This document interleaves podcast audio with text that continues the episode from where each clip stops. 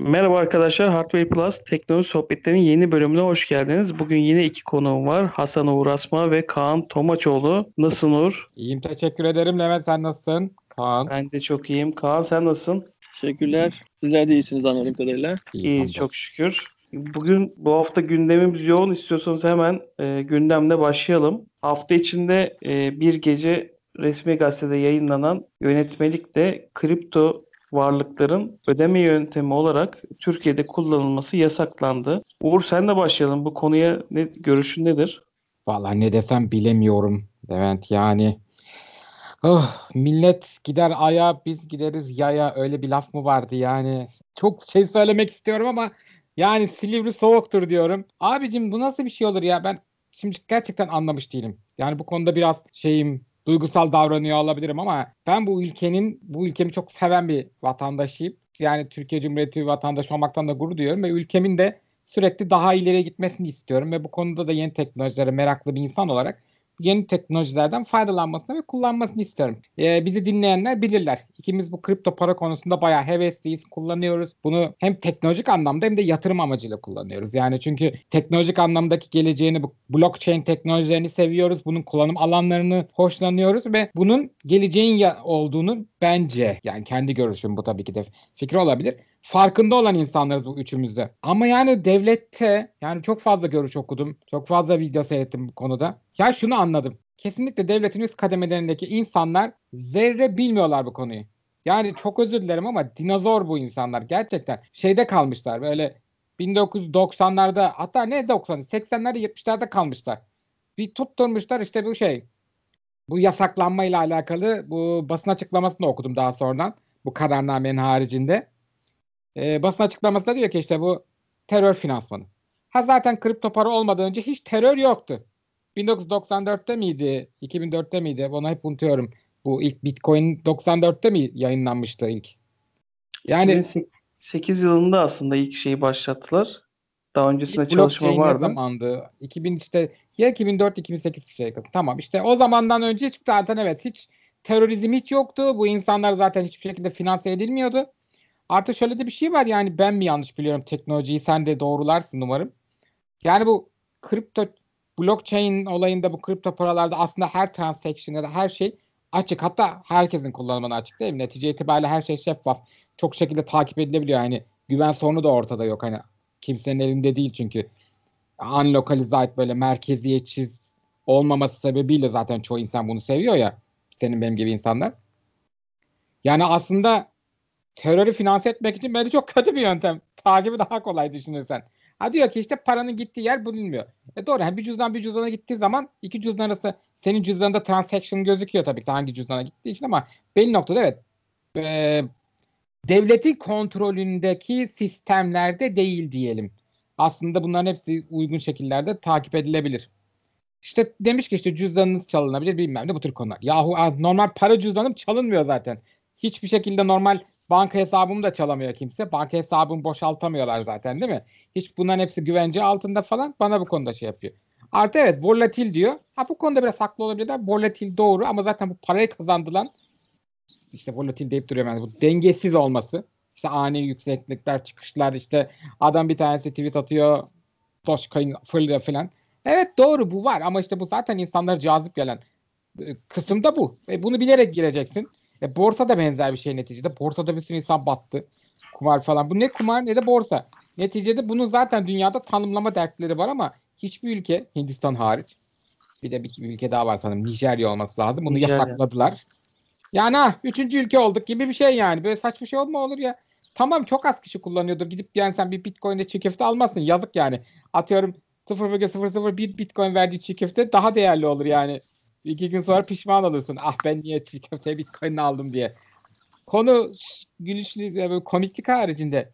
Yani gerçekten anlamlandırmıyorum. Daha kötü tarafı aslında bence pek çok proje anlamında fintech bu yeni yeni gelişen projeler işte bu Türkiye'den tekrardan bir unicornlar çıkartamayacağımız. Çünkü bu projeleri de adamlar çat diye çöpe attılar. Çünkü e, sanırım üçüncü maddesinde diyor ki bu borsalara ya da bu tür şeylere alım satım yapan yerlere para aktarımındaki üçüncü şey bankalar hariç üçüncü şirketlerin bu konuda şey yasaklandı.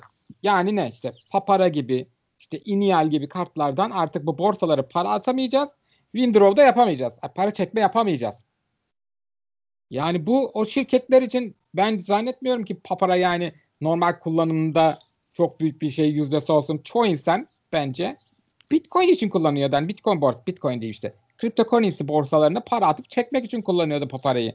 Çünkü kolaylık sağlıyor ki %2 fee ama %1 fee vermemize rağmen. E ne yapacağız? Ve para, para olmadan önceki hallerini kullanacağız. E yeri gelir ben zaten yurt dışı borsadayım. Yani yurt dışında çıkarım paramı. Türkiye'ye getirmem olur biter. Burada herkesin konuştuğu aslında bunların çıkartılmasının sebebi bankalara bizi mecbur bırakılmasının sebebi para çekişlerinde. Yani diyor ki bankalarda para kimse tutmuyor. Doğru niye tutsun abi? Kim niye dolar ya da euro tutsun bankada? Birincisi şey yani o kadar para kazandırmıyor. Doğal olarak bu kripto paralarda duruyor ve devlet bundan vergi almak istiyor ve bunu da bu kripto şirketlerine aslında baskı yapıp alabilir de işte yaptı zaten bilgilerini aldı biliyorsunuz bu birkaç gün önce bir hafta önce olması lazım bunun haberini yapmıştık hatta biz. Yani şimdi de diyor ki işte bu e, tam insanları paralarını bankalara çeksinler bu şirketlerde durmasın. Hem bankada durduğu sürece biz bu mevduata ulaşabiliriz devlet. Yani böyle şeyler var söylentiler. Yani devlet bu paranın peşinde. Çünkü çok fazla şey var. Bütçe açığı var. Para yok devlette. İşte hazine tam takır kuru bakır. Yani senin benim işte TL'de tutmadığımız, o arada şunu bankada hesapta tutmadığımız paralarımızın peşine düştüler. Çoğu insan korkup paralarını çekti. Benim çevremde gördüm yani. Çıktılar borsalardan. Ya da işte ne yapacağız ne edeceğiz derdindeler. Hani küçük parası olan çekti, büyük parası olan şimdi bekliyor ne yapacağız ne edeceğiz derdinde.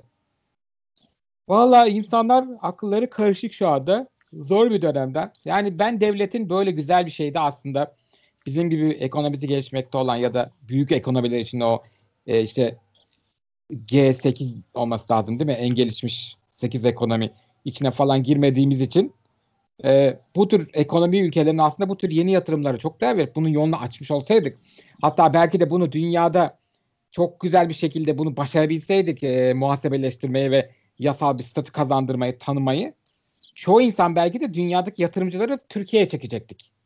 Ama biz bunu ne yaptık? Elimizin tersiyle ittik şu anda. Türkiye'deki de bir sürü fintech yatırımı şu anda mecburen yurt dışına çıkmak zorundalar. Çünkü atıyorum adam anlaşmış. Twitter'da vardı.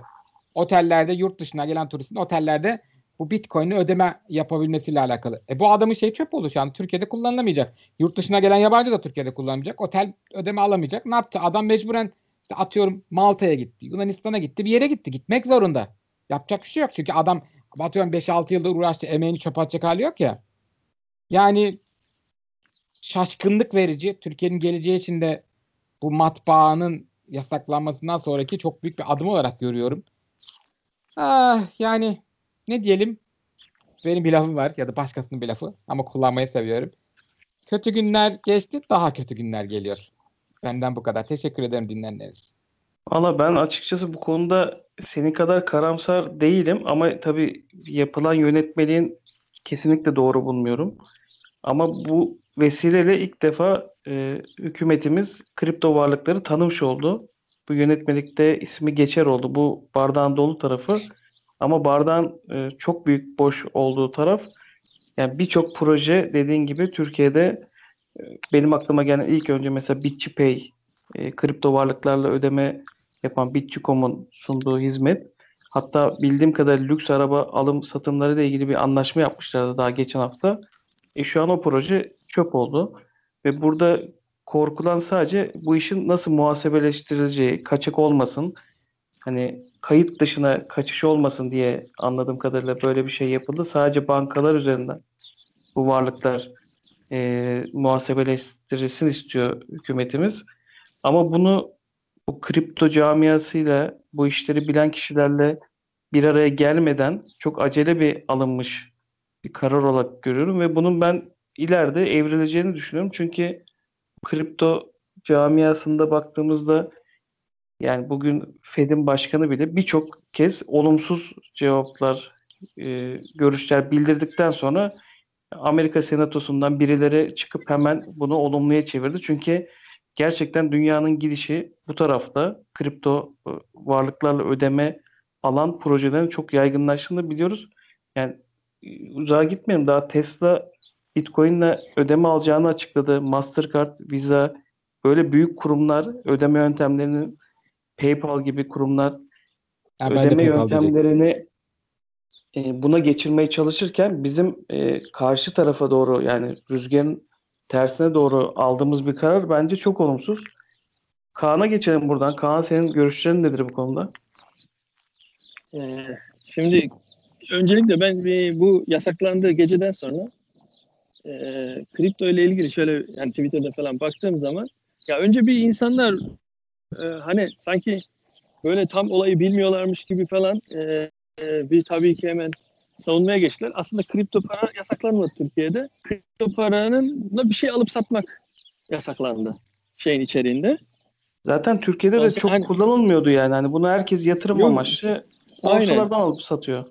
Ya işte sıkıntı şey oldu. Ee, insanlar zannetti ki korktu kripto paraları işte dışarıda kalacak. Global işte e, borsalarda kalacak.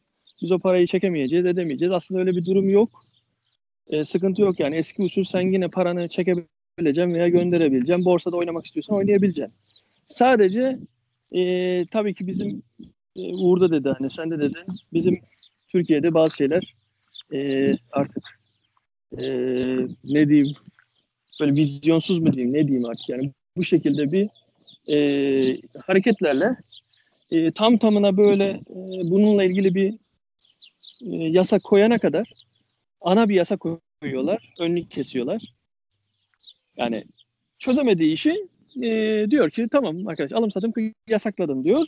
E, e, ama benim de senin gibi düşünüyorum Levent yani e, muhtemelen bunun bilirkişisi veya ne bileyim bununla ilgili bir şey de e, ilerleyen zamanlarda illaki şey yapacaklar hani e, alım satımı tekrar açacaklar ama kurallara koyaraktan ve bu kuralları da işte zamanla e, tartaraktan işte ne zarar olur ne şey olur bize şeklinde bir hesap kitap yaparak yapacaklar diye düşünüyorum. Çünkü ben kripto parayla alım satıma yasaklıyorum demek e, şu an kolay.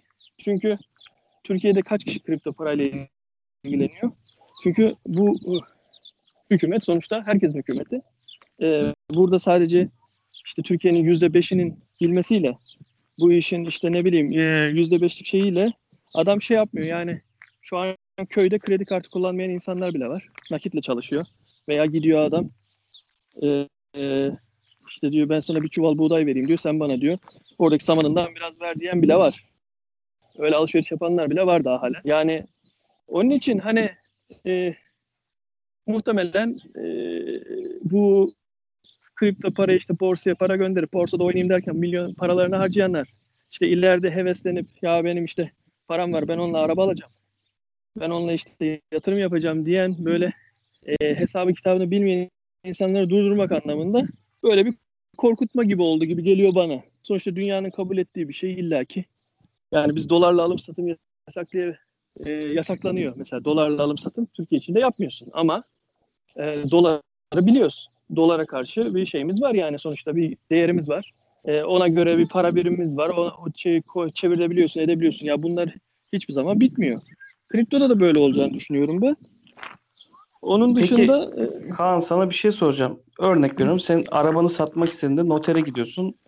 Ee, orada hani alım satımda sana noter diyor ki bu parayı aldın mı? Ona da diyor verdin mi? Sen bunu kabul edip e, imzaladıktan sonra o araç yani karşı tarafa satabiliyorsun bildiğim kadarıyla. Evet. Şimdi evet. örnek veriyorum. Ben kripto paramla e, senin arabanı satın alıyorum. Senin cüzdanına ben Bitcoin gönderdim. E bunun bu şekilde yasaklandığı Şöyle- zaman e, bunun Şöyle yani nereye bağlayacağını tam anlamadım ama şunu demek istiyorsan eğer e, çok da uzadı bu konu. E, ben sana şöyle söyleyeyim. E, e, kripto para zaten şey gibi şu an. Benim hep bir e, bu konuda şeyim var. Böyle bir e, e, hayata karşı döndürdüğüm bir şey var, hikaye var. Ya eskiden e, insanlar e, para bile şey yokken giderdi e, e, atıyorum buğdayını e, buğday verirdi karşılığında atıyorum e, şey verirdi. Oyma tahta yaptı, kaşık yaptı, bilmem ne yaptı. Götürdü onu verirdi, karşılığında buğday alırdı. Bakkal gibi yerlerden bilmem nereden. Hani e, o zaman ne oluyordu? Aracı yoktu. Aracı olmayınca e, kazananlar kimlerdi? Alanla satan. Başka kimse kazanmıyordu bu işte. E şimdiki devirde öyle değil. Şimdiki devirde aracılar var, bankalar var. E bu bankalar bir şekilde para kazanmak istiyorlar. Kazanmak istedikleri için de e, bu şeyde dur diyecekler. Zaten e, şu ben kesinlikle eminim e, şeye izin vermeyecekler. Ya ben senle Levent geleyim işte. Sen USB'den e, şeyini getir, kripto para cüzdanını ben de getireyim. Bilgisayara bağlayalım, birbirimize aktaralım. Arada kimse yok. Ben aldım gittim. Öyle bir dünyaya izin vermezler bence. Çünkü Yok e, şu an kapitalizm düzende e, şey olacak. İlla ki birilerine para kazandıracaksın. Ha şöyle olur. Notere gittiğimizde bize soruyor. Arabanın parasını verdim mi? Verdim. Adam parayı verdiğimi görmüyor ki. Verdim diyorum. O- Tamam diyor. Noter masrafını ödüyorsun. Arabayı üstüne alıyorsun. Aynı onu demek istedim. Yani şu an ben sana e, arabanın ederindeki bir bitcoin'i göndersem sen de noterde ben bu parayı aldım desen kayıt dışı bir şekilde zaten bu işlem yapılabiliyor. Ama sen bunu ödeme yöntemi haline getirip muhasebeleştirirsen bu, bu zaman e, zaten kayıt altına alacaksın. Bunu yasaklamak bunun önüne geçmiyor günümüz dünyasında. Onun için Ama zaten şey merkeziyetsiz söyleyeyim. bu sistem. Şimdi tamam şimdi şöyle bir şey de senin dediğini yapalım. Mesela aynı senaryoyu konuşalım. Benim kredi kartında harcadığım para birimi e, Türk lirası veya dolar fark etmez. Sonuçta hep sanal bir para. Hiçbir zaman cebimde durmuyor. Bankada duruyor. E, bunu kriptoya çevirdiğini düşün. E, benden yine aynı şekilde her yaptığım işlemlerden e, borsalar veya bankalar para kesecekse e, ve benim e, cebimdeki bitcoin karşılığı dolarla endeksli olup veya Türk lirasının endeksli olduğu zaman denk olmayacaksa e, benim bunda ha bitcoin kullanarak ben o arabayı almışım gitmişim ha dolarla gidip almışım ha Türk lirasıyla almışım. Sonuçta e, benim cebimdeki paranın karşılığındaki şeyi vereceğim ben oraya. Mutlaka. Ya onun için bana bir faydası olmayacak. Yani Bitcoin'e geçtik, hadi geçtik diyelim. Bitcoin kullanıyoruz. Benim elimde cebimdeki 100 bin lira atıyorum 200 bin lira mı olacak? Yok. 100 bin liranın karşı Bitcoin budur diyeceksin. Bitcoin'im var diyeceksin. E, ben, ben- bir işe yaramıyor ki bu benim için. Yani bu sonuçta bir aracı. Yani ben senden bir şey almak için verdiğim bir araç. Ne oldu? İsmine sen Bitcoin'de ben dolar diyeyim. O altın desin. Uğur şey desin bakır desin. Yani fark eden bir şey yok. Benim demek istediğim eee, eğer bu ilk çıkaran adam gibi bu Bitcoin'i çıkaran adam bankalara karşı olan aracı ol- olmasını istemeyen kimse para kazanmasın kolay birbirlerine para transfer etsin mantığıyla kullanılmaya hiç kimse izin vermeyecek. Onu demek istiyorum ben. O mantığa izin vermeyecek. Ama ileride Bitcoin'le alışveriş yaparız. Ha ama şimdiki deminki dediğim gibi eğer vergileri bilmem neleri yine içinden kesilerekten ben alışveriş yapacaksam benim için bir faydası yok. Ben sana Bitcoin ödemişim. Yani ha- sadece Bitcoin ödedim, Bitcoin aldım, havasını atarım. Sonuçta cebimden çıkan para eşit olacak. Dolar da ödeseydim aynısını verecektim. Bitcoin de versem aynısı çıkacaktı cebimden. Hani onu demek istiyorum ben. O konuda aslında bir Bitcoin'in olmuş, başka bir şeyin olmuş bir avantajı yok. Sadece şey de çok güzel. Mesela ben Amerika'da teyzem var. Ona para gönderiyorum. Bitcoin'le hiç arada kimse olmadan atayım. Kesintisiz bilmem nesiz. Bu keyif verir bana. Çünkü kesinti olmadı. Ne verdiyse Evet. gönderdiysem aldı veya ne gönderdiyse ben aldım. O, o kafada güzel oluyor. Onun dışında Zaten Hani Bitcoin'in çıkma sebebi de merkeziyetsiz olması. Hani bu merkezi kurumlar üzerinden gidersek şu an birçok ülke kendi dijital varlıklarını zaten çalışıyor. Bunları çıkaracaklar. Dijital yuanı Çin çıkardı zaten. Ama bu Ama işte biz Bitcoin, Bitcoin'i varlıklar- merkeziyetsiz kullanmıyoruz şu an. İlla aracı var. Yine mesela Binance'ı kullanıyoruz veya ne bileyim işte BCT Tamam, orada- kullanıyorsun. borsalar Yani onlar üzerinden bir- gönderiyorsun tabii. Ama Yani senin da- e, kendi cüzdan cüzdanın olsa, donanım cüzdanın olsa onu kullanmadan da bir başkasına Aynen. e, Aynen. Bitcoin Ama onu gönderebiliyorsun. işte hiç kimse kullanmadığı için mantığına karşı geliyoruz. Biz Bitcoin'i sanki dolarmış, euroymuş gibi kullanmaya çalışıyoruz. Bir yatırım aracı gibi kullanmaya çalışıyoruz. Onun şeyinden faydalanıyoruz. Yükselmesinden, inmelerinden faydalanmaya çalışıyoruz. Onun dışında bize şu an Bitcoin'in bir getirisi yani o konuda kullanmıyoruz. Ha, belki ileride bilmiyorum hani yine izin verecek vermeyecekler mi o konu tartışılır ama ben buradan e, en fazla benim gibi iyi bilen birine Bitcoin'le borcumu ödeyip e, hiç aracı vermeden hani e, o şekilde e, ödediğim zaman faydası olur. Ama bir şöyle bir şey var. E, günün sonunda bu para bir şekilde cebine Türk lirası veya dolar olarak girmesini istiyorsan bir borsa ya da bir şey kullanman gerekiyor çevirmek için. E çevirirken para kesecekler. Bu para kesilen senin e, finansal anlamda devletin, hükümetin hangi ülkede yaşıyorsan takibinde olacak. Takibinde olduğu için iki gün sonra bu para nereden gelecek diyecekler sana. E, ne bileyim yani hani e, her türlü hani merkeziyetsiz kimse bana dokunamaz. Ben kendim bir şekilde paramı harcarım. İşte bundan e, en maksimum şekilde faydalanacağım gibisinden kimse izin vermez. Kapitalizmin düzeninde bu şey yok yani. Hani e, e, içeriğinde yok. Her türlü kesinlikle bir şeyi alabilmen için vergisini, bilmem nesini, aracısını, ıvır zıvırını vermek zorunda kalıyorsun. Yani yaşam şeyi bu. Onu demek Ya bizim öğrendiğimiz paradigma böyle ama işte bu teknoloji de o kırılacak. Bence hükümetlerin yani hangi hükümet olursa olsun bugün yani yıllardır Amerika'da e, kripto varlıklarla uğraşıyor. Fed'in başkanı da hep olumsuz açıklamalar yapıyor. Ama geldiğimiz noktada 2008 yılından beri varlığını sürdüren bir kripto camiası var. Ve bu giderek de büyüyor, hacmi de büyüyor. Bence buna e, karşı durmaya çalışmaktansa artık çünkü yıllarca bunu çok büyük ülkeler de yaptı ama karşı duramayacaklarını anladılar. Şu an onlarla ilgili düzenleme yapıp, regülasyon yapıp bundan nasıl e, vatandaşlarının e, zarar görmeden ve bu şekilde bu paraları kullanan vatandaşlardan da regülasyon yapıp nasıl e, hazineye para çok sokacaklarının yöntemini ararken direkt yasaklamak bazı şeyleri bence olumlu bir adım değil. E, paydaşlarla ortak bir araya gelip hatta ben şöyle bir örnek de vereyim. Yani sen Antalya'dasın mesela. Demin e, örnek verdi Uğur. E, yurt dışından gelen bir turist sırf Bitcoin ya da kripto varlıkla Türkiye'de tatil yapabilme seçeneğini e, ödeme yöntemi olarak kullansa buraya turist çekse kötü mü olur? Yani burada kime ne zarar olacak? Sonuçta ülkeye döviz girecek. Yani bunu toptan yasakladığın Ya zaten- zaman bunun önüne geçmiş oluyorsun. Yani zaten o mantıkla düşündüğün zaman işte Türkiye'ye bir şekilde bir döviz yani Bitcoin de bir döviz olarak say- sayalım şu an. Ee, bir döviz girsin de nasıl girerse girsin ma- mantığı hani yani nasıl girerse girsin derken hangi döviz girerse girsin. Aslında düz mantıkta ekonomide böyledir. Yani dışarıdan bir şey gelsin girsin. Bitcoin olur bu dolar olur euro olur bilmem ne olur gelsin. Ha, ama atıyorum Hans der ki ya buradaki otelde Bitcoin'le de ödeme varmış. Bende de Bitcoin var. Ben Bitcoin'le ödeyeyim ne yapacağım zaten bu Bitcoin'i deyip de gelecekse böyle bir avantajı olabilir. Hani onun dışında ben ya şey kafasındayım ben hani e, aslında aynı noktalardayız hepimiz de. Ben sadece şu şeye tırnak içinde şunu hiçbir zaman atlayamıyorum. Yani o benim kendi düşüncem olarak kalacak. E, dolar, euro neyse Bitcoin'de bence o. E, şu an kullanılma amacı öyle.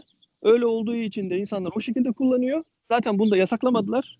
Sadece alma satma. Gidip de kah- kahve alamayacaksın. Gidip de bir araba alamayacaksın. Ne bileyim gidip de işte atıyorum iki gün sonra e, e, Elon Musk diyecek ki uzaya kargoları Bitcoin'le ödemeye istiyorum diyecek. E, bizim Türkler ödeyemeyecek. Ya da kabul edecekler. Bitcoin'e çevirecekler. Ama Ödeyecekler yani. Türkiye'de çok özür dilerim Kaan'cığım lafını bölüyorum kardeşim. Ee, ama Türkiye'de dolar euro ile alışveriş yapabiliyorsun. Peki bu haksız rekabet sayılmaz mı? Ya dolar euro ile yapıyorsun ama orada kur çevrilerek yapıyorsun. Sen doları verir sana dolar fiş kesemez ki adam. Sana fiş E, keserken tamam. yine karşılık ödeme ödeme yaparken Tamam, de sen yine Bitcoin- sen Bitcoin'le- yapıyorsun. Sen Bitcoin'le yine ödeme yaparsın ki. Ben sen mesela bakkalsın geldim sana Yapamazsın. çikolatayla Bitcoin'le verdim ama sen bunu bana Türk lirası olarak kestin. Devlet zannedecek ki ben Türk lirasıyla çikolatayı aldım zannedecek. Ama sen Bitcoin verdim ben sana. Sen karşılığında da bana hediye etmiş gibi. Anladın mı? Değil işte. Aynı Ama şey gibi hani hatırlıyor musun? İçki bira yasaklandığı zaman insanlar demişti yani e, e, ben çikolata aldım yanında 12 tane bira hediye ettiler ama toplam 12 bira parası veriyor adam öderken. ama bana diyor ben çikolatayı diyor pa- parayı aldım. Yani bana 12 Cep tane bira hediye etti telefonları adam. yasaklandığında da Ha, şey gibi 15 ha, bin liraya kılıf kılıf sattılar. aldım yanında telefon hediye ettiler. Ha, onun gibi yani aslında hani demokraside çağrılar tükenmez gibi bir muhabbete döndürebiliriz konuyu ama yani sonuçta benim düşüncem bu. Ha ama teknolojiyi sever sayar diye her yere yazıyoruz, seviyoruz da. E, sevdiğimiz bir şey yani tek, ben de Bitcoin açıkçası e, destekliyorum yani. Hani devam etmesini istiyorum. Geri keşke de alım satım yapsak. Bitcoin değil de o 0.0 neydi? Bir şey deniyordu ona. Ee, Satoshi. bir ismi vardı. Satoshi. Ha, Satoshi. Ha, Satoshi ile alışveriş yapabileceğimiz zamanlar gelirse güzel olur yani. Ama e, asıl Bitcoin'i çıkaran adamın kemikleri sızlıyor yani şu şu konuda açıkçası. Kimse öyle kullanmıyor. Merkeziyetsiz Ya- para muhabbetini yapmıyor. Hani o yönden ben ona takılıyorum. Onun dışında Ya zaten şu Çok an kimse yok. şu an Bitcoin'le ben gidip de bir baklava çiğ köfte falan alsam iki gün sonra Bitcoin'in fiyatı yükselse benim içime oturur yani hani 20 liralık şeyi o gün 200 liraya da çıkmış olabilir ben yani 20 liraya Bizim de aldım bizi- baklava diye sevinirken 200 liralık baklava yemiş gibi olurum. Onun için zaten Şöyle bunu bir- kimse kimse Bitcoin'le alıp satmaz yani. Yok yükselse bir şey olmaz ya. Bir sıkıntı olmaz. Sen alışmışsın Türkiye'de yaşıyorsun ya. Türk lirası için her şey yükseliyor. Yani hani alışırsın ona bir sıkıntı olmaz bence. Doğru da bu kadar yükselmiyor. Konuyu e, uzun uzun konuştuk. Ekleyeceğiniz bir şey yoksa hemen ikinci konuya geçelim istiyorsanız. Ah keşke zaten ekleyebilecek bir şey yok ne yazık ki. Bizim değiştirebileceğimiz bir şey yok. Sağ olsun büyüklerimiz bizim adımıza karar verdiler geleceğimizi. Hemen ikinci konuya geçiyorum. E, Google tarafını rekabet kurulundan rakipleri dışlayacak şekilde öne çıkarması sebebiyle e, 4054 sayılı rekabetin korunma kanunu 6. madde ihlali sebebiyle 296 milyon 84 bin TL'lik idari para cezası verildi. Evet Kaan sen de devam edelim. Ne diyorsun bu konuya? Vallahi ben şimdi bu konuya iki yönden bakmak istiyorum ya. Şimdi Google, büyük bir firma. E, bu Türkiye'de de var zaten. Ben en basit yaptığım meslekten de biliyorum.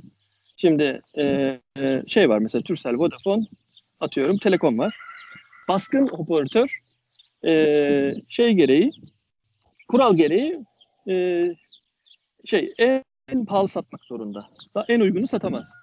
Mantığıyla rekabet kurulu bunu takip ediyor ve e, buna göre eğer bir hata yaparsa cezasını basıyor. Google'a da benzer şey oluyor. E, Google tabii ki şu an tekel. E, çoğu konuda tekel yani. E, onun için de otomatikman e, Google'a bir ceza yazdılar. Bu, bu kafayla bakarsak Google ödeyecek. Haksız. Ama ben genelde bir de şu kafayla bakıyorum. E, bir şirket e, startup yaptın, kurduğunu düşün Levent ya da Uğur. E, ve çok başarılısın. Bu işte çok iyisin. Bir şekilde şans da arkandan rüzgar da esti. Ee, ondan sonra sen çok iyi yerlere geldin. Büyüttün, büyüttün şirketini. Abi sen çok büyüksün. Sen ortalığı kasıp kavuruyorsun diye sana ceza yazdıklarında ne düşünürdü? Mesela. Ama bu benim çalışmamla, benim başarımla oldu. gibi hani şey yapmaz mıydın, savunmaz mıydın? Gibi düşüncelerle de bakıyorum. Bu açıyla da bakıyorum bu olaylara. O zaman da diyorum ki Google aslında haklı ödemesin yani hani niye ödüyor? Diğerleri de çalışsın. Onun kadar başarılı olsunlar. Ee, çok önceden de benzer bir konuyu konuşmuştuk. Onda da bu düşüncem vardı. Yani ben açıkçası şeydeyim. Bu düşüncedeyim.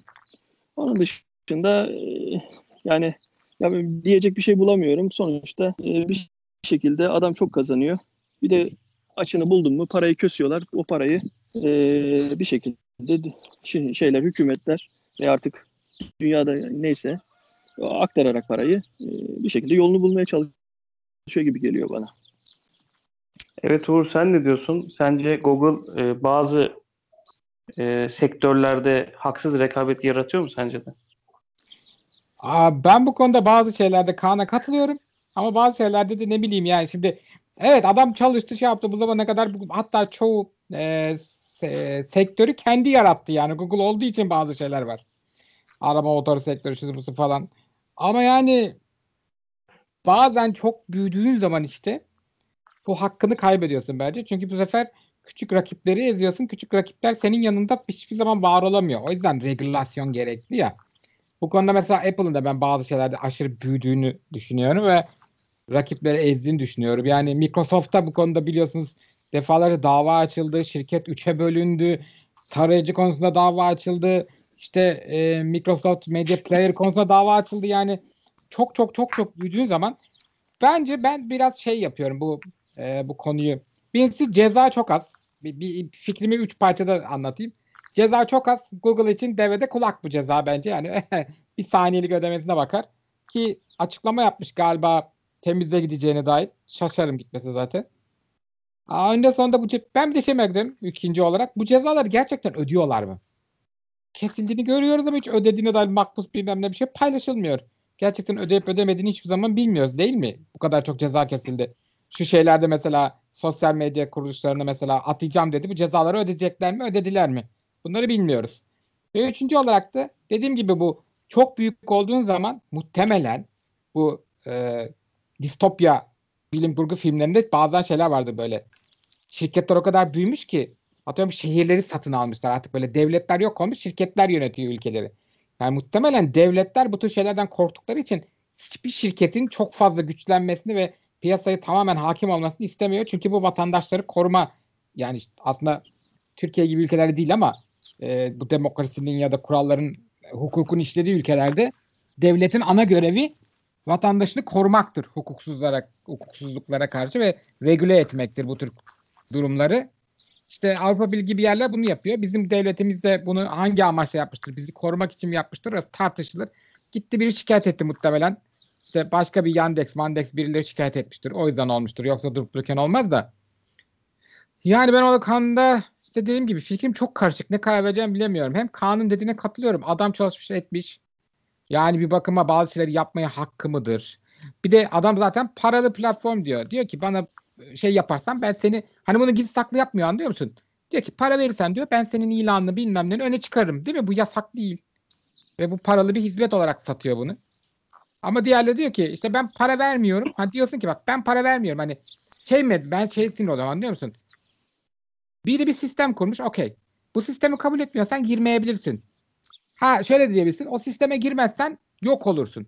Eh, yani evet işte ama işte o zaman sen de başka bir sistem yapmayı başaracaksın. Ama o sisteme girersen başka bir haberimizle bağlantılı bu söyleyeceklerim. O sistemin kurallarını kabul etmek zorundasın. O sistemin kurallarını çiğneyerek ya da başkalarını şikayet ederek ya da bu sistemi kuran insanı şikayet ederek böyle devlet güçlerini force ederek bu sistemi kırmaya çalışmak bana biraz ahlaksızca geliyor. Çünkü bu Google'a yapılan cezanın tam ayrıntısını bilmiyoruz ama kesin hak etmiştir. Google biraz evil corp'lardan biri. Tıpkı bence Apple da evil corp. Gerçi bütün büyük şirketlerin bence biraz evil corp olduğunu düşünüyorum. Yani şeytan şey bizim iyiliğimiz düşünmeyen kuruluş kampanya şirket demek istiyorum evil corp derken. Ee, yani ne bileyim ya hak etmiştir ödesinler neticede Türk Türkiye'ye para girer. Ama biraz da adamların yaptığı bir şey ya. Ne bileyim adamları da düşünmek lazım. Şimdi sen diyorsun ki ben işte otelim var. Şey veriyorum. Antalya'da mesela işte Antalya'da bir otelim var olsun. Antalya'da reklam veriyorum ama benim otelim ben reklam vermiyorum. Senin işte Kaan'ın Kaan reklam veriyor ben vermiyorum. Kaan'ın oteli daha önce çıkıyor. İnsanlar Kaan'ın oteline gidiyorlar. Ben reklam vermediğim için benim otelime gelmiyorlar. Bu durumda benim reklam mı vermem lazım yoksa ağlayıp şikayet edip Kaan'ı ve bütün sistemi mi şikayet etmem lazım? Ben bunu işte biraz şey konusundayım. Yani kurallarına göre oynama taraftarıyım ben oyunu. Ha, kuralları beğenmiyorsan ya oyunu terk edersin ya da bir şekilde kurallar içerisinde kuralları değiştirmek için mücadele edersin. Böyle anarşi yapalım, kuralları yıkalım ey falan hmm, yani bilmiyorum. Benim tarzım ben, değil. ben iki konuda yani ikinize de bu konuda katıldığım noktalar var ama şöyle de bir durum var. Eğer bu kurallara göre oynama noktasına gelirse bu iş rekabette her zaman büyük balık küçük balığı yutar. Küçük Yani. balığın yaşama hakkı o mantıkta baktığın zaman olmaz diye düşünüyorum. Onun için yani rekabetin korunması mutlaka gerekiyor. Çünkü tüketiciye bu iş yarayacak. Çünkü büyük şirketler daha da büyüdüğü zaman e, zaten tek tekelleşmiş olacak ve kendi borularını istedikleri gibi öttürebilecekler. Onun için rekabet kurulunun verdiği cezayı ben doğru buluyorum açıkçası. En azından dediğin gibi e, bir kesilen cezadan e, vermesi gereken parayı Google çıkartıp vermeli. Biz de bunu duymalıyız. Yani şu gün Google bu parayı kestiğimiz cezayı indirimle ödemiştir, ödememiştir. Belki daha faiziyle ödemiştir gibi bir açıklamayı da hani ceza verildi. Evet. Cezada alındı. Hani bu para kasaya girdiği de inşallah bizlerle paylaşırlar deyip sonraki konuya geçelim istiyorsanız. Şu an dünyada bir çip krizi var ve çip üretiminin en büyük olduğu Tayvan'da da TSMC e, grupta 2022 yılında da çipte sıkıntının devam edeceğini söyledi. Uğur sen de başlayalım bu konuya. Bu konuda görüşlerin nedir? Aa, bu konu ya bu çok geniş bir konu. Aa, çok sıkıntılar. Bu TMSF'nin ay, o, çekin adı unuttum. Neyse. Yani bu Kore bu konuda çok şeydi. Büyük şey ve her yerde kullanılıyor bu çipler. Sadece şey gibi düşünmemek lazım bunu. Ee, işte bilgisayarda kullanılıyor, işte e, cep telefonlarında kullanılıyor. Her şeyde kullanılıyor. Yani bir şekilde otomasyon, içinde bilgisayarlaştırılmış her türlü arabalarda kullanılıyor. Bak mesela yeni haber vardı Ford Otosan Türkiye'de mesela iki ay boyunca durdurdu. Amerika'daki tesislerinde üretim durdu. Amerika tesislerinde 3 vardiyadan 2 vardiya düşürdü ki gelecekte eğer düzelmezse 2 ay içerisinde ki bu düzelmeyecek gibi duruyor. Amerika'daki tesisinde de ya bir vardiya indirmeyi ya da en az 2-3 ay boyunca şey yapmayı düşünüyormuş. Ara vermeye düşünüyormuş. E, zaten ekran kartlarının durumu ortada. Hepimiz. Yani bu sadece şey sorunu değil. E, miningçilerin yüzünden ekran kartı bulunamıyor. Üretim sıkıntıları yüzünden de ekran kartı bulunamıyor. Yani bir zaten inanılmaz bir talep var ama arz az. İşte bak bu mesela bu kadar e, ciddi şekilde işte bilgisayar üretimi. Mesela cep telefonu. İşte Apple'dan haberler vardı geçen iPhone 13 işte adı neyse olacaksa artık üretiminde sıkıntılar olacağını. Xiaomi'nin üretim süreçlerinde yavaşlatma şey yapacağını. Mesela Oppo ile buna benzer bir şey oldu. Oppo'da e, tedarik zincirinde sıkıntılar olacağını, bazı modellerin geç, geç geleceğine dair haberler vardı yabancı basında. Bu çok çok çok fazla sektörü etkiliyor. Aldığınız evinizde kullandığınız herhangi bir mesela buzdolabında bile çip var abi. Yani buzdolabı üretimi etkilenecek, TV üretimi her şey yani akıllı şu anda çevremizde kullandığımız her şey akıllı olsun ya da olmasın elektronik olan her şey için çip olduğu için bu çip üretiminde de ciddi sıkıntılar olduğu için yani bunun birkaç sebebi var. Bir bu e, Tayvan'da inanılmaz bir kuraklık yaşanıyor. Sanırım son 15 yılın en büyük kuraklığını yaşıyorlar şu anda ve e, diyeceksiniz kuraklıkla çip üretiminin ne alakası var? E, su kullanılıyor. Çip üretiminde distile edilmiş su kullanmak zorundalar ve bayağı tonlarca su kullanmak zorundalar. Bu ciddi bir sıkıntı. E, tabii ki de bu çipin üretildiği maddeler, silikon ve bunun maddelerin temininde sıkıntılar var. Dünyada bunlar sınırsız kaynaklar değil. Ee, geçenlerde bahsetmiştik. Kaan bahsetmişti sanırım. Bir materyalin çok azlığından üretebileceğiniz şey onunla sınırlı demiştik değil mi? Kaan hatırlamıyorum ben şu anda. Bir maddenin adını unuttum. Ee, yani birçok madde vardı da hatırlayamadım şimdi. Ha ben de işte neyse bu pil konusunda bir şey konuşuyorduk da. Yani e, ciddi sıkıntılar olacak elektronik aletler. Bu ne yazık ki bir son kullanıcıya ne olarak geri dönecek? Bir, stok azalacağı için doğal olarak fiyatlar aşırı artacak. Yani zaten çok artmıyormuş gibi biz Türk kullanıcısı için daha da artacak. Yani yurt dışında artacağı için dolar bazında bize bunun 8 kat yapacağını düşünün. Yani biz daha kötü durumdayız. Yani güldüğüme bakmayın. Yani ağlayacak halime giriyorum. Yani zaten ulaşımı zor elektronik aletler biz Türk kullanıcısı için daha da zor olmaya başlayacak. Yani çoğu şeyde aksamalar yaşanacak dünyada şeyde. Ve Tayvan dediğim gibi işte bak bu diyor işte 22 hatta düzelmezse daha da uzayabileceğine dair şeyler var. Yani inşallah düzelir. Adamlar deli gibi para yakıp şu anda şey araştırmalar yapıyorlar. Nasıl yağmur yağdırabiliriz? Düşün yani o işe bağlamışlar ve e, Tayvan'da da ciddi bir tartışma dönüyor şu anda. Çiftçiler onlara işte belli şey yapmış devlet demiş ki sen bu yıl ekme. Özellikle pirinç. Bu yıl ekme biz sana para vereceğiz. Sen boş tarla suyu kullanma. Şey vereceğiz. Çift fabrikalarına. Çiftçiler ayaklanmış. Bizim işte biz yiyecek üretiyoruz da bir çift üretimi kadar değerimiz yok falan filan. Yani bak bu ya, sivil ayaklanmalara muhabbetine gidiyor olay. Anlıyor musun? Nereden çıkıp nereye gidiyor? Yani ki Tayvan halkı da öyle çok kolay kolay ayaklanacak bir tip değil. Yani çok çalışkan, kendini çok geliştirmiş böyle inanılmaz disiplinli bir halk aslında ama işte bu tür şeyler teknoloji sevdamız çünkü adamlar tüm dünyayı öğretiyorlar. Az buzda değil yani. Hadi bakalım ne olacak. Dünya bizden verdiklerini geri almaya çalışıyor. Bu sadece Tayvan'da da alakalı. Biliyorsun bu Teksas'taki üretim de acayip sıkıntılıydı. Oradaki sellerden, yağmurlardan, fırtınalardan sonra. Ee, gene aynı şeyi söyleyeceğim ama kötü günler geride kaldı. Daha kötü günler geliyor. Şimdilik bana bu kadar. Teşekkür ederim. Evet. Kaan senden görüşlerini alalım bu konuda. Valla çok fazla diyecek bir şey yok. Yani e, zaten görünen köy kılavuz istemez. E, böyle bir şey olacağı belliydi. Yani çünkü e, sürekli dünyanın bir noktasında bir şeyleri yapmaya çalışıyor büyük firmalar. E, tabii ki a, ucuz üretip çok para kazanmak. Düz mantıkta.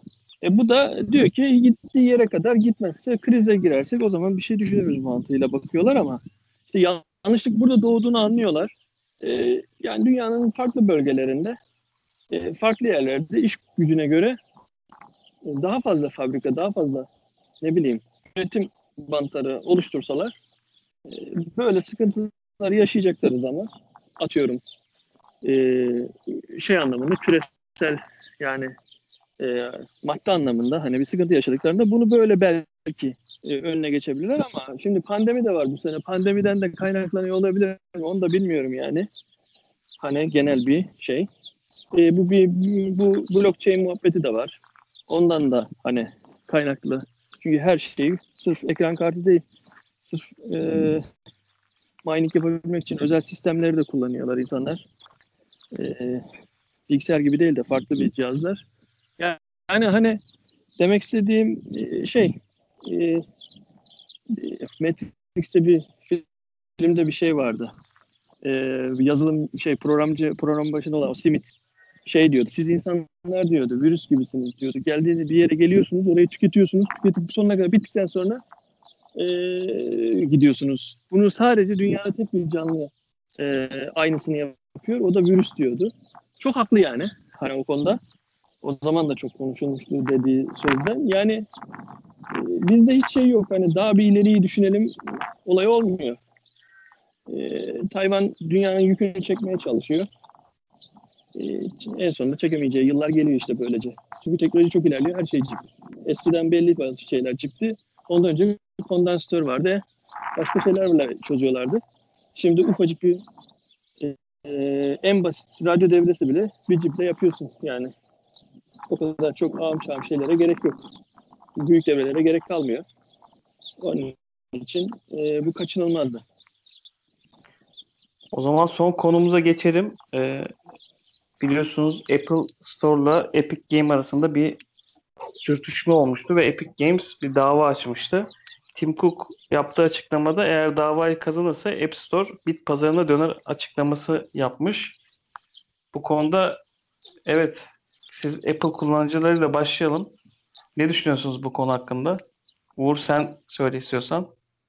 Merhaba. Şimdi ben burada belki hoşlanmayacaksın ama Apple taraftarıyım. Çünkü yani bu önceki konuda da söylemiştim. Kendi kurduğun sistem abicim.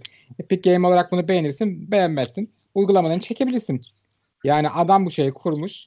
Güvenlik konusunda ben Apple Store'daki uygulamaların gerçekten daha güvenli olduğuna inanıyorum. Yani ee, diyor insanlar şey böyle çok uzun süreçlerden geçiyor. Mesela en çok bu şeyler şey diyorlar işte bir güncelleme yayınlıyoruz. Developerlar bilirler. Yani bunun şey süreci çok uzun sürüyor. Onaylanıp bir güncellemenin uygulamanın App Store'da yayınlanması süreci. Çünkü gerçekten code by code bunu adamlar şey yapıyorlar. inceliyorlar. Yani bu bazen evet e, frustration'ın şeyin aklıma gelmedi. Böyle insanı böyle düşkünlük seviyesinde rahatsız eden bir şey böyle bunaltıyor insanı. Ama bence bu güvenlik için iyi. Ha pay konusuna gelirsek. Şimdi %30 pay alıyor Apple bu her satıştan. %70'ini geliştiriciye veriyor. Yani Epic Games'te tabii ki de paranın ucu tatlı olduğu için. Şimdi sen bir dükkanda bir şey satıyorsun. Dükkan sahibine belli bir pay veriyorsun. Aynı de anlaşmışsın. Adamın şey var. Bu konuda tamamen serbestsin. Bu dükkana koymak zorunda değilsin ürünü. Anlaşıyorsun koyuyorsun. Ama sonra arkadan diyorsun ki gene bu dükkan içindeyim ama işte adam, oraya bir adam koyuyorsun. Dükkan sahibinin haberi yok bundan. Adam el altından diyor ki bak kardeşim burada liste fiyatı 27 lira ama ben sana bunu 20 liraya ateşlerim. Sen gel benden al diyorsun. Parayı bana ver diyorsun. Oradan alıyor ama dükkan sahibinin bundan bir karı yok ama dükkanı kullanmış oluyorsun sen. E sizce bu gerçekten şey mi? Etik mi? Bir de eğer bu devlet bazında bir kanun olursa bu iş delince ve bu süreçlerin zarar göreceğini düşünüyor dedi yani Apple. Çünkü bu sefer devlet zoruyla bazı şeyler yapılmış olacak. Belki fiiller düşecek bu süreçler yavaşlayacak ya daha hızlanacak. Ne olur biliyor musun? Çok özür diliyorum. Yani şey kullanılan Android kullanıcından ama hani Apple Store'un ben Android Store gibi böyle çöplüğe dönmesini istemiyorum. Gerçi o Play Store herhalde adı. Yani bence bu konuda Apple haklı. Ee, ben bu konuda Epic'i desteklemiyorum. Kusura bakmasın.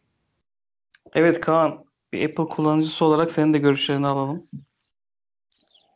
Ya e, yani pek bir şey denecek bir durum yok. Şimdi şöyle bir şey var. Uğur'un dediği gibi bir market var. E, bu marketin bir kuralları var. Adam bu kuralları koymuş. E, sen gelip bu markette satış yapmak istiyorsan oranın vergisini vereceksin. Veya pazarcı gibi düşün. O e, böl, bölmenin parasını vereceksin. Satış yapmak istiyorsan. Gibisinden düz bir mantık. E, rekabet kurulu da e, bu, bu konuya işte e, ne bileyim hani karı karışmıyor galiba anladı. E, onun için mahkemeye taşınıyor olay. Yani bilmiyorum ya ben hani mahkemenin de sonucunun da çok hani ağam şağım bir değişik olacağını zannetmiyorum. Yani sonuçta adam kimse silah zoruyla markete girin de satın demiyor. E satamıyorsan da e, yapacak bir şey yok. Adam yani e, işletim sistemi o şekilde çalışıyor. Bir kuralları var. E, bir yönden de şey adam e, diğer tarafta at koşturabiliyor isterse Android'de. Ama Android'de de APK yüklüyorsun bilmem ne yapıyorsun. Özgürüz diyorlar. Para vermeden kullanıyorlar. E adam da o tarafta satamıyor. E, para kazanamıyor bilmem ne. Hani gidip o tarafa ya biraz da şeye benziyor bu hani ulaşabildiğine ceza, yani ulaşabildiğine mahkemeye ver gibi anladın mı? Hani mesela bizim Türkiye'de e, bazı özel özel tüketim vergisinden dolayı bazı şeyler mesela iki katı iki ile çarparsın satar alırsın. Arabadır, telefondur böyledir mesela. E kimse gelip de Türkiye hükümetine şey, şey diyor mu? Rekabet kuruluna karşısın sen. İşte sen hiçbir şey yapmadan aldığın şeyi satarken aradan vergiden neredeyse onun kadar para kazanıyorsun diyebiliyor mu? Demiyor. E, onun gibi işte ben, bana öyle geliyor. Hani gidip de Android tarafındaki orada satamıyorum edemiyorum çok kötü bir market var demiyor. Gelip iyi markette para kazanacağı e, cüzdanları kabarık olan insanların takıldığı marketlerde satış yapmak istiyor ama kurallar diyor çok çok fazla sen ben ben üretmişim yazmışım programı sen benim üzerimden satıyorsun benim kadar para kazanıyorsun derdinde. Yani, pek diyeceklerim bu kadar. Ay işte. ağzına Yani- sağlık kardeşim ya. Çok güzel açıkladın. Gerçekten bravo. Şimdi ben konuya şöyle Yani- gireyim. Şimdi e, Android, Apple konusu değil bence bu. Hani burada bir yanlış anlaşılma olduğunu diyorum yani başka platform yok ki satabileceği. Oralar Yok var şu- yani. şunu söylemek istiyorum. Şimdi Epic Games diyor ki ben uygulamamın içinde satış yapacağım. Bazı ödemeleri alacağım. Bazı şeyleri satacağım. Apple da diyor ki hayır satamazsın. Burada zarar Evet. gören kişi kim? Şu, şu durumda Epic Games Apple Store'dan kaldırılırsa zarar görecek kim? Bence kullanıcılar. Yani Apple kullanıcı olarak sizler.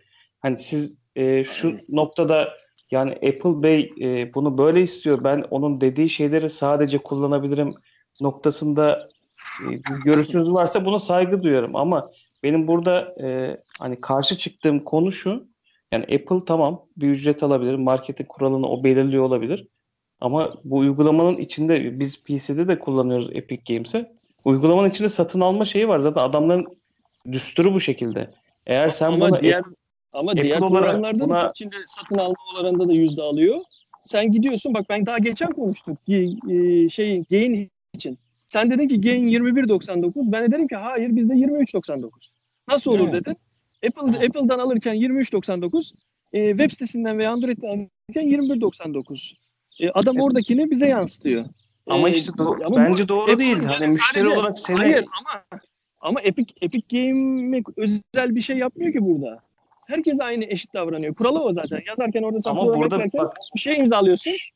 şöyle bir şey var Kaan. Ben aynı programı kullanırken sen Apple kullanan olarak niye daha fazla para ödemek zorundasın ki? Bu bu da bir buradan baktığın zaman bir haksızlık değil mi? Ama ben bir şey e, bir şeyle arka- aynı- karşılaştığım zaman ben bir hatayla veya bir şeyle karşılaştığım zaman uyumsuz olduğu zaman veya bir sıkıntı olduğu zaman anında Apple'a başvurup ben bu senin üzerinden marketin aldığını ben bunun parasını geri istiyorum, geri verebilirim diyebilirim. Ama gidip ben e, sitesinden aldığımda Epic ile muhatap olacağım. Epic diyebilir biz bunu sunduk sana ve yani almasaydın diyebilir. Ne yapacağız o zaman? Evet. Ben- Apple hemen geri ödüyor. Apple'ın- ben Apple'ın yanlışlıkla marketine- aldım. Yani şeyi- ben ben, ben yani Apple'a şey yani tam fazla veriyorum ama Apple'a güvendiğimi güvence de güvenceye de para veriyorum. Yani öyle düşüneceksiniz. Siz her zaman şey düşünüyorsunuz. Son elinize tuttuğunuz mal şeklinde düşünüyorsunuz. Aslında Hayır, biz- bazen deneyim deneyim ve Katılıyorum. Ya burada güven de satın alıyorsun. Şimdi Bir de şu şöyle var. söyleyeyim. Bizim için atıyorum bizde 27 sizde 20 gözüküyor diyelim. Biz onu 20 lira olarak düşünmüyoruz ki. Gördüğümüzü biliyoruz. 27 lira bizim için. ha. Ama işte Uğur yani şurada siz o kadar kanıksamışsınız ki bu durumu. Ya dışarıdan bakan bir göz olarak ben şaşkınlıkla bakıyorum. Ben Niye? aynı hizmeti daha pahalıya almayı kabul ediyorsun. Yani burada arka tarafındaki komisyonu bak, yok. Arka plandaki Sen- o güvenilirliğe de o fazla para Hayır ama işte. aynı aynı şey değil Bakmana arkadaş. gerek yok ya. Eğer kafan çalışıyorsa ben mesela gidiyorum marketinden alıyorum da Apple'ın. Gidiyorum şeyden alıyorum. E, web sitesinden alıyorum. Yine uygun alıyorum. Yine Apple'da kullanıyorum. Apple demiyor ki sen bunu gidip sitesinin içine almışsın. Ben sana bunu kullandırmam demiyor. Ha, doğru. İstersen onu da yapabilirsin. Benim şunu Yani anla- ama- anlatmak istediğim konu şu. Siz çok e, ısrarla e, şey karşı çıkıyorsunuz ama bir e, uygulamayı farklı fiyata satmak bence etik değil. Ben bu tarafındayım konunun. Aynı hizmeti alıyorum ama Apple diyor ki sen benim kullanıcımsın. Şimdi- Aynı hizmeti alırken bana daha çok kazandırmak zorundasın. Ben seni yolunacak bir tavuk olarak gördüğüm için 2-3 tüy daha Hayır, senden daha fazla alacağım diyor. Ya şimdi şöyle pazarda havuç satılıyor. Üç tane tezgah var. Aynı Ee, avuçtan hepsi bahsediyoruz. Farklı 20, kalitede 20 havuç liradan satılıyor. Hep, hep- hepsi hepsi hayır hepsi tam hepsi aynı marketten çıkmış olsun gitsin ben e, şeyden e, neydi o Kaan'cığım, şey, halden aldım. anlarım. Aynı yerden aldım. Ben 22'ye sattım. O 22'ye sattı. Oradan birisi 18'e sattı. E, şimdi biz e, tabii ki 18'den almak daha mantıklı. Düz mantıkta. Ama e, buradaki adamla bir ilişkisi vardır. Sevdiği, saydığı, akrabasıdır, bilmem nedir. Gelir 22 lira o kazansın diye verir. Yani bu insanların seçeneği ne? Heh, Sen onu- onu- olarak karışamazsın. Onu demek Onu istiyorum. söylemek Yani istiyorum ben. son. Siz- kullanıcı tamam, son kullanıcı buna ka- şey yapmıyor ki. Son kullanıcına mahkemeye veren mi var? Epic Game kendi e, şeyini düşünüyor. Beni düşünmüyor ki. Bıraksın ya. Yani, hani sence doğru Apple- konuşalım. Epic Game beni Apple düşünmüyor. seni mi düşünüyor? Apple seni Hayır, mi Apple, düşünüyor? Apple beni de düşünmeyebilir ama? Epic Game de beni düşünmüyor. Onu demek istiyorum. Orada Ben de katılıyorum. Orada bence bence bu işe karşı gelip Apple'e kıl olan insanlar e, bu işe yapıyor. Karşı gelmek istiyor. Şimdi Bu- bak bu kodu burada basit yani. ben Kaan'a katılıyorum bak. Burada ucuza ya da pahalıya satmak değil. Burada adam gidip marketinde şey çıkartıyor ya cincik çıkartıyor. Diyor ki ben anlaşmışım bu paraya koymuşum. Sen onun içerisinden ayrıca satmak istiyorsun. Git sitenden sat. Apple bunu bir şey demiyor ki. Çok örnek veriyorum da eee, bir örnek vereyim ne?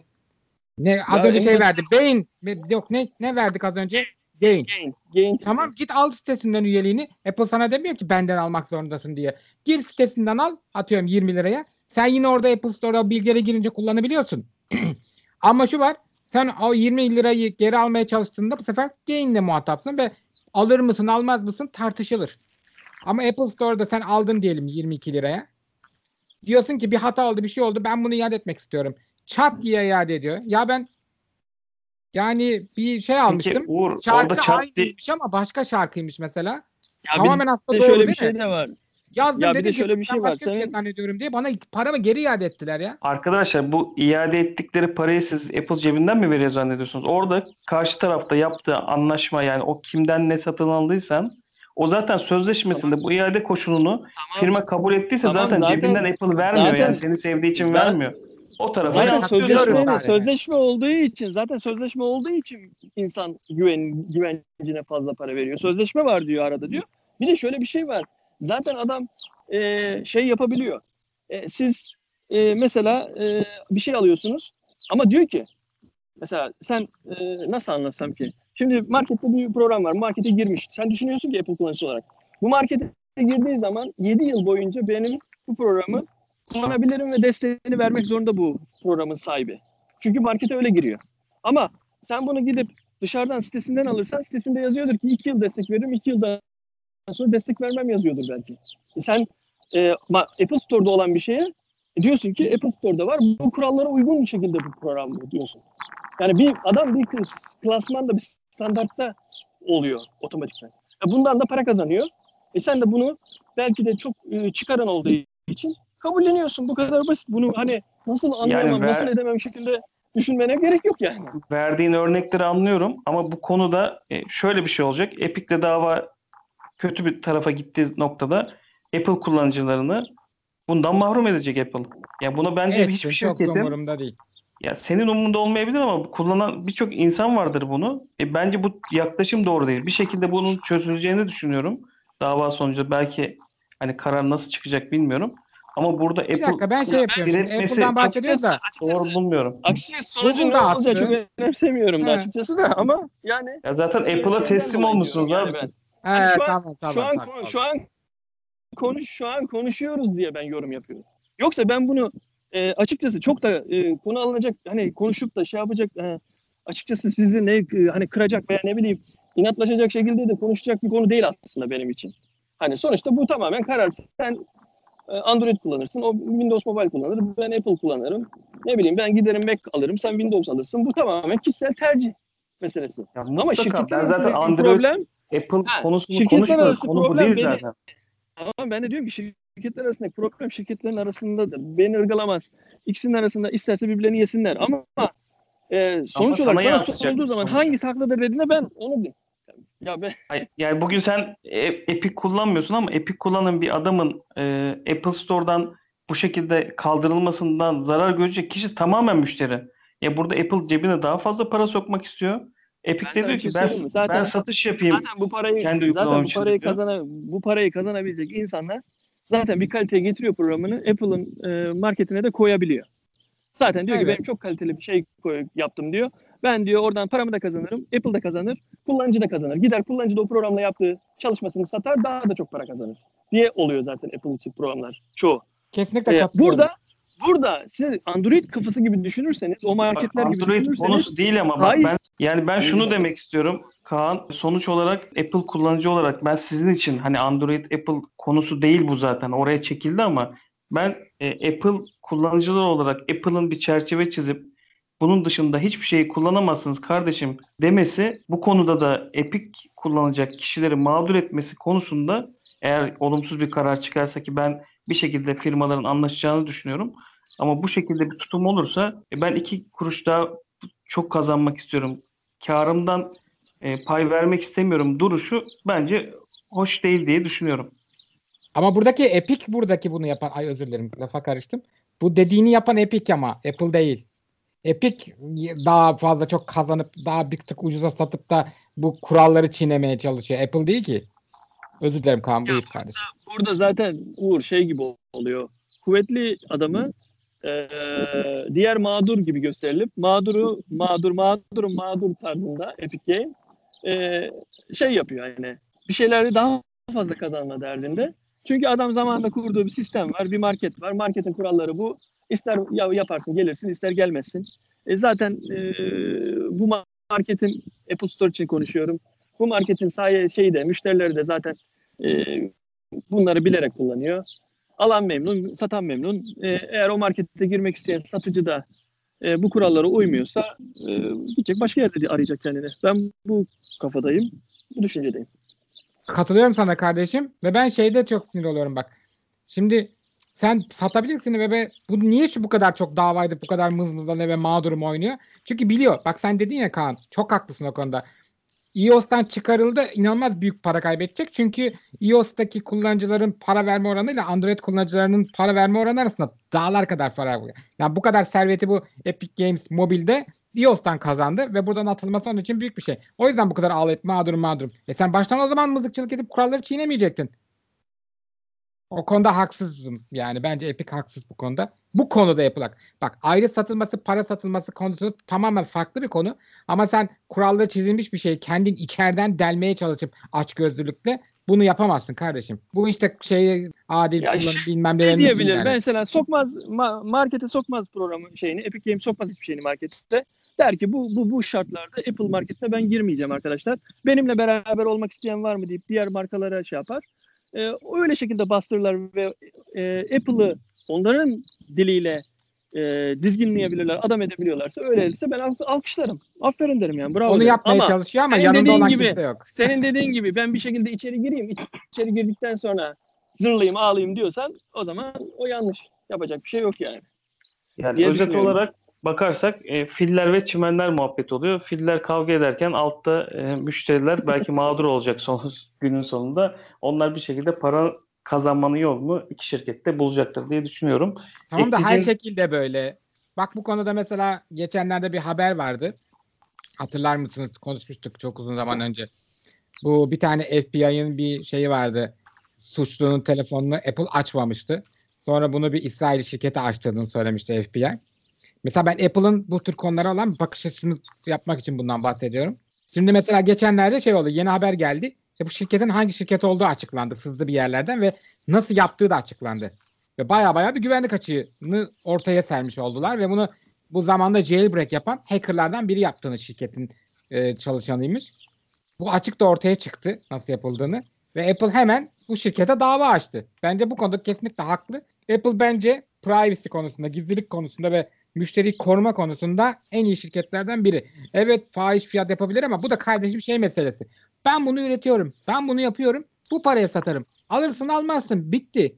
Yani bu konuda çok pahalı diye eleştirebiliriz. Çünkü biz inanılmaz fakiriz. Bu belki bence o yüzden bu kadar bize koyuyor. Çünkü çok fakiriz. Bu kadar fakir olmasak Amerikalı olsak mesela bu kadar koymaz Apple'ın fiyatları ya da yaptığı davranışlar. Apple'ı bu konuda haklı buluyorum. Apple'i haksız buluyorum çünkü sen kuralları koyulmuş. Yani bu şey gibi bir şey. Basketbol oynuyorsun. Bir takıma girdin. Üyesisin. Mesela basketbolda bilirsiniz. Steps denen bir şey var. Üç adım birlikte gidemezsin. Topu elinde tuttuğun sürece. Yere basman gerekir. Yani böyle sektirmen gerekir topu.